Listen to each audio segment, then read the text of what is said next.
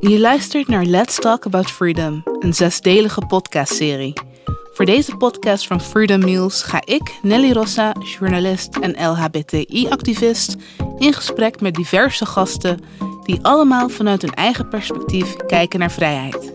In deze aflevering spreek ik met journalist Joanne da Costa Gomez. Je leven wordt je heel erg zuur gemaakt als je mening hebt in de media. Joanne, wat betekent vrijheid voor jou? Vrijheid betekent voor mij het kunnen kiezen zonder beperkt te zijn. Kunnen bewegen, kunnen beslissen, kunnen deelnemen aan je gemeenschap, aan, je, aan, aan, aan processen in het land waar je woont. Zonder daarin beperkt te worden door wat anderen vinden of wat je wordt opgelegd. Dat is vrijheid voor mij. Heel breed. Ja, als journalist heb je vaak te maken met het thema persvrijheid. Ervaar je dat er persvrijheid is op Curaçao? Uh, in sommige opzichten wel. Um, natuurlijk, want het is niet. Uh, kijk, als je jezelf als land gaat vergelijken met, met andere landen, um, ook in de regio waar je echt beperkt wordt in hele um, ja, manieren, meetbare manieren of zichtbaar voor anderen, weet je wel. Dat, dat je als journalist misschien wordt, wordt, wordt afgemaakt. Of, nou, dat heb je dan gelukkig niet op Curaçao. Maar ik vind wel dat de vrijheid hier uh, zeker wordt uh, beperkt, maar niet op een manier wat zichtbaar is vaak voor mensen die misschien buiten het vak um, zijn. Dus uh, als je erin werkt, en je lachte eerst, hè? Nou, Dat zegt, uh, waar dacht je toen aan? Nee, ik moet lachen, want het is een best wel controversieel onderwerp. Omdat heel veel mensen die in de, eh, in de pers werken, die, die durven er niet vaak uh, over te praten. Het is een kleine wereld, um, hè, de media hier op Curaçao. Maar het is ook een klein eiland, dus uh, iedereen kent elkaar. Je hebt um, ook in de pers heb je um, ja, belangrijke spelers en machtige personen. Net als in de politiek. Dus je, ja, je je raakt, uh, je, je kan ego's raken met zo'n onderwerp, waardoor het vaak toch ja, misschien hè, bij bijeenkomsten van mensen die in de pers werken, nou dan praat je er vrij uit over. Maar niet, je, je krijgt niet snel dat iemand uh, op de radio gaat zeggen van nou dit gebeurt en, en expose wat er achter de deur, achter de schermen gebeurt.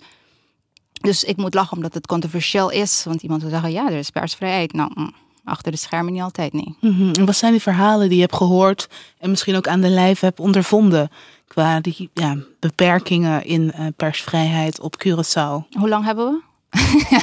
The floor is yours. Nou, kijk, um, ja, waar te beginnen?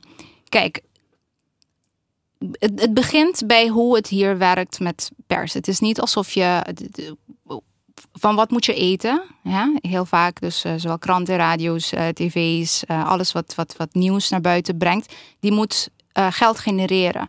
Er is geen, geen onafhankelijke fonds die dan hè, mensen in de media kan helpen of mediabazen of gewoon organisaties, waardoor je eigenlijk vrij, los van invloeden, commerciële invloeden, kan, je werk kan zou kunnen doen. Hè? Dus dat is, dat, dat, dat is zo. Dat, niemand kan zeggen dat dat niet zo is. Kranten, tv's, radio's, iedereen draait van commerciële fondsen. Dus in dat opzicht heb je al dat aspect dat um, als bedrijf A uh, sponsor is bij een mediabedrijf, dat je hoe, hoe makkelijk denk je dat het is om met een persbericht naar buiten te komen of met, met een item naar buiten te komen over iets wat niet deugt bij company A, die dat geld dan in dat bedrijf um, steekt door middel van sponsorship of whatever. Dus uh, dat is één waar we het vaak over hebben. Dus die commerciële belangen, waardoor je dan als medium niet vrij bent om, te, nou ja, om verslag van te doen? Um, niet vrij bent, maar misschien ook eh, vanuit de, de hiërarchie in, in redacties dat ze zich ook niet vrij voelen. Um, je hebt op Curaçao het is niet bij alle media's bijvoorbeeld een redactiestatuut of iets wat jou als journalist eigenlijk een beetje veilig stelt in het geheel. Dus wat krijg je dan uiteindelijk? Misschien heb je een eindredacteur, maar uiteindelijk is het wel de baas van de, van de zender of whatever die uiteindelijk beslist over wat er um, wordt gepubliceerd. Nou, als dat dezelfde persoon is die naar de eigenaar van bedrijf A moet bellen voor 100.000 gulden per jaar, wat op Curaçao veel is, um, voor commercials, dan kan je al voorstellen wat er wordt toegefluisterd of, of die item uiteraard wordt uitgezonden.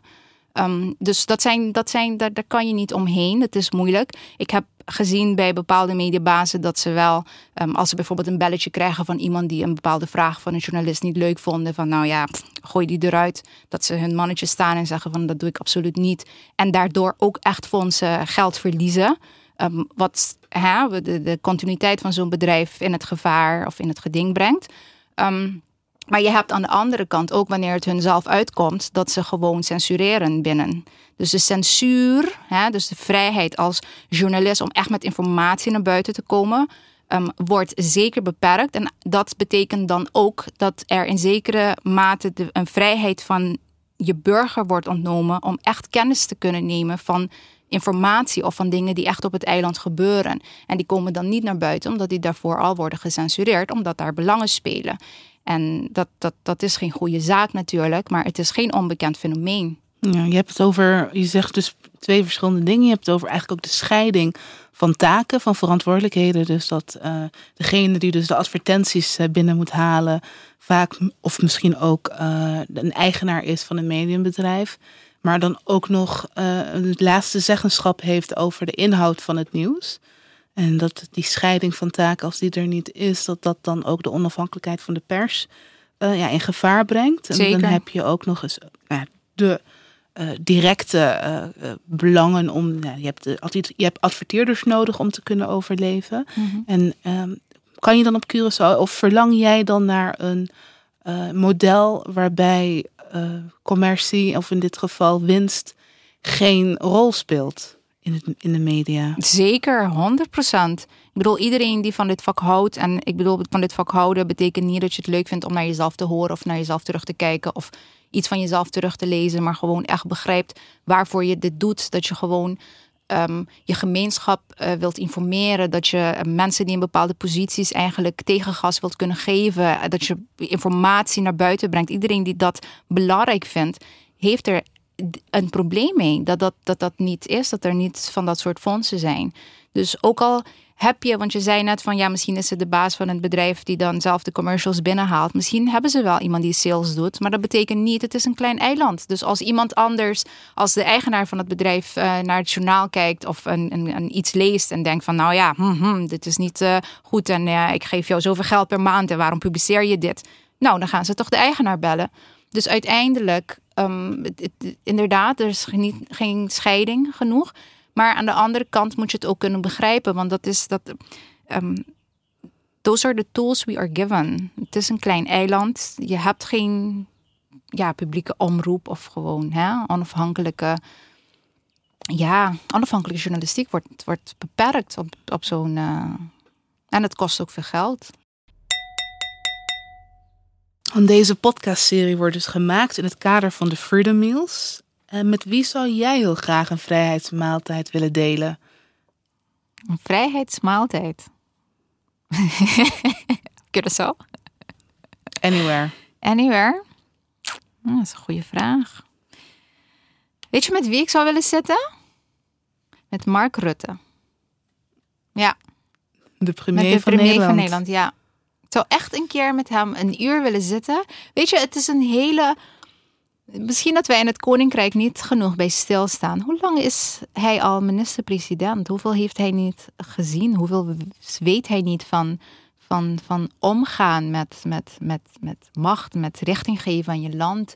Um, als je het eens met hem bent of niet over zijn politiek, maar gewoon hoe het lijkt me een heel, heel interessant iemand om to pick his brain Hmm. op zijn ervaringen en hoe hij um, een land zoals Nederland, die eigenlijk op wereldniveau toch best wel wordt gezien als een, een vrij land als je het moet vergelijken met anderen, um, hoe hij dat ervaart en doet. Los van judgments en waardeoordeel over of het goed is of niet. En ook los van zijn politieke. Los van zijn politiek, gewoon al de man de man, zijn ervaringen en zijn, zijn ja, als leider van, van een land en die daar lang zit. Want je mag vinden van hem wat je wil, maar hij zit er nog steeds. Ja. Oké, okay, interessante keuze. Ja, vind ik zelf ook. Maar als ik er zo over nadenk, lijkt dat mij echt iemand uh, waar als je hè, even de kleur ervan afhaalt, qua voorkeur en whatever politiek, lijkt me echt iemand waar je veel van zou kunnen leren. Maar zou, zou je het ook zien als een soort interview? In plaats van eh, Nee, gezellig aan tafel? eh, gezellig aan tafel. Geen interview. Gewoon leren. Wie is de man achter de laatste... de man van wie we eigenlijk ook niet weten hoe, hoe zijn privéleven eruit ziet. Maar zijn privéleven interesseert me ook niet zo. ik wil weten hoe, hoe het is om minister-president van Nederland te zijn. Niet omdat ik die ambities heb of zo, maar het lijkt me gewoon ehm, heel interessant. En dat, dat we daar niet zo, zo. Want we hebben het vaak over andere eh, staatshoofden, dat die er lang zitten. Of, maar hij zit er ook best lang. Hmm. En hij heeft ook best het een en ander meegemaakt. Dus eh, hoe ga je daarmee om als professional? En hoe leid je een team en, en politieke drama's en crises en coalities? Nou, mensen zullen daar hun mening over hebben, ongetwijfeld. Maar waardeoordeel aan een kant. Hmm. Nou, het lijkt er nog. Nou, een uitnodiging eh, voor, voor het torentje zit eraan te komen. Terugkomend op persvrijheid. Je hebt het probleem al een beetje in kaart gebracht. Ik heb nog, ik heb nog twintig voorbeelden. Kom maar op, kom maar op. Maar om het even hier, hierbij te houden, dus wat, wat, wat dit problematiek betreft, denk ik dat je het zelf hebt aangegeven. Ik denk echt, echt, echt ehm, dat er op de een of andere manier aan de ene kant dat er fondsen beschikbaar zouden moeten zijn voor onafhankelijke journalistiek. Ik vind dat dat echt ehm, de gemeenschap vooruit zou kunnen helpen, omdat ik zelf vind dat er wat heel veel betreft ehm, ons eiland heel erg gepolariseerd is, onnodig. Omdat informatie niet, niet goed of gebalanceerd genoeg altijd naar buiten wordt gebracht. Maar aan de andere kant denk ik ook, en dat heb ik zelf ervaren als ik het even over mezelf mag hebben, dat ik vanuit, ehm, of eigenlijk vanwege bepaalde van dit soort frustraties, op een gegeven moment ook de keuze heb gemaakt om een, een, een, eigen programma te beginnen. En ik heb dat ook moeten confronteren. Dus dat ik uiteindelijk ook naar geld moest gaan zoeken om productiekosten te dekken en, en alles wat erbij hoort. Maar ik heb er bijvoorbeeld ook voor gekozen, iedereen die waar ik naartoe ging, van oké, dit is het project, dit is het idee. Als je hierin een commercial wilt of je wilt bijdragen, maar onder voorwaarden, dat jij gaat me niet bellen, want je, mag, je hoeft er niks van te vinden. Je steunt het omdat je erin gelooft, omdat je mijn capaciteiten gelooft. Je weet dat ik eerlijk ben, dat ik, dat ik hè, dus zonder belangen, interesses of agenda mijn werk doe en wil doen en wil blijven doen. En dat betekent dan dat als jij zoveel ehm, aan zendtijd hè, van je commercial tijdens mijn programma ehm, financiert en daarbij dus mij helpt om dit te kunnen doen, betekent het wel dat je verder qua inhoud niks te zeggen hebt en mij verder niet hoeft te bellen als je iets ziet wat je niet zendt. Was dat voor heel veel van die adverteerders een, een iets unieks?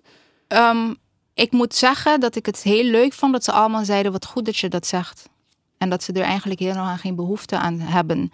En dat er echt wel mensen hier zijn, um, die, en, en, en zowel ondernemers als, als bedrijven, als organisaties, die ook erg vinden dat de kwaliteit omhoog moet. En daarom moet ik ook zeggen dat ik naar, dus mijn ervaring was dat ik heel veel steun heb gekregen, omdat mensen ook echt um, ja, op basis van je eigen trajectory, dus in mijn geval, dat ze echt denken van oké, nou we weten gewoon van jaren van je werk dat je niet geen politieke agenda hebt of geen interesse hebt om iemand of whatever of een be bepaalde narratief te, door te drukken. En aan de andere kant dat ze zelf ook wel vinden dat dat, dat, dat, dat zo hoort. Mm. Weet je wel? Dus het is, het is, ik heb niet meegemaakt dus in, in mijn project en mijn proces dat ze bij mij kwamen om iets te zeggen, maar voor mij was het een issue. Het was een, ik, I made it an issue vanaf dag één. This, these are the conditions.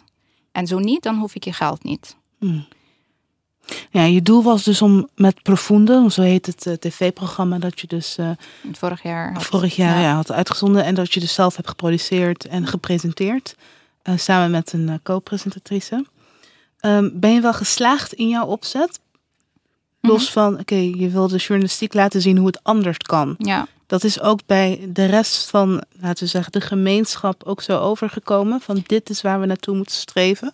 Zeker. Ik weet zeker dat, en, of ik weet zeker op basis van reacties die ik heb ontvangen, ook van collega's, van je hebt de bar wel, jullie hebben de bar wel wat hoger gezet qua um, tv-producties. Dus, um, want je hebt veel programma's op het eiland, maar niet veel die te maken hebben met actualiteit, um, slash nieuws Of bijvoorbeeld een, een, een onderwerp zoals armoede. Oké, bon, fijn. Iedereen weet dat er armoede is. Maar wist je dat er 40 jaar geleden al een onderzoek was. wat het een en ander zegt? Oké, wat is er na 40 jaar met dat onderzoek gedaan? En hoeveel onderzoeken zijn daarna gekomen?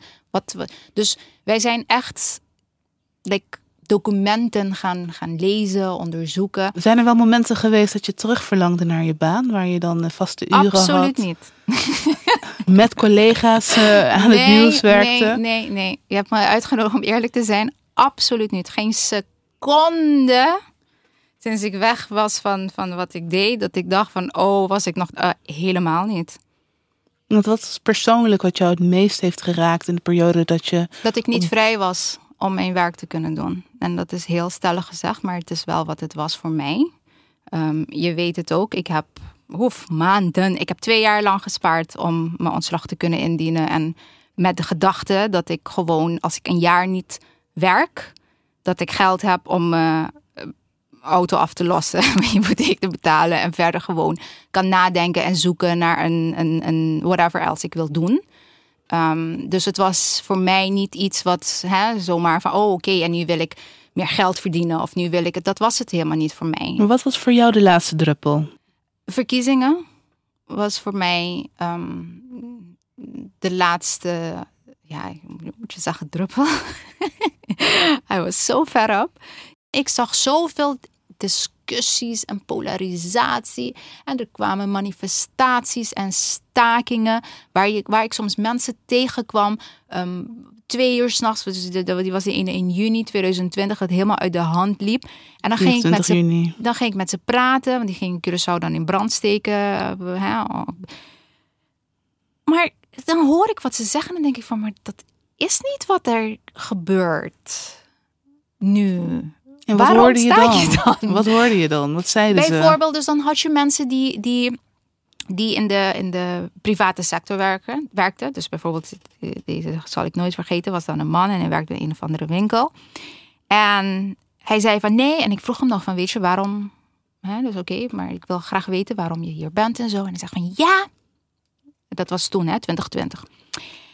En dan je moet van de regering 12,5% inleveren. Maar toen de tijd was er niks van 12,5 voor mensen in de private sector. Die 12,5 was een eis voor ambtenaren en overheidsgelieerde entiteiten die wat moesten inleveren, zodat Nederland zegt van oké, dan geef ik geld dat jullie dan dat bepaalde hè, priva, uh, hoe heet het, private bedrijven een beroep kunnen doen voor geld dat ze hun mensen kunnen betalen.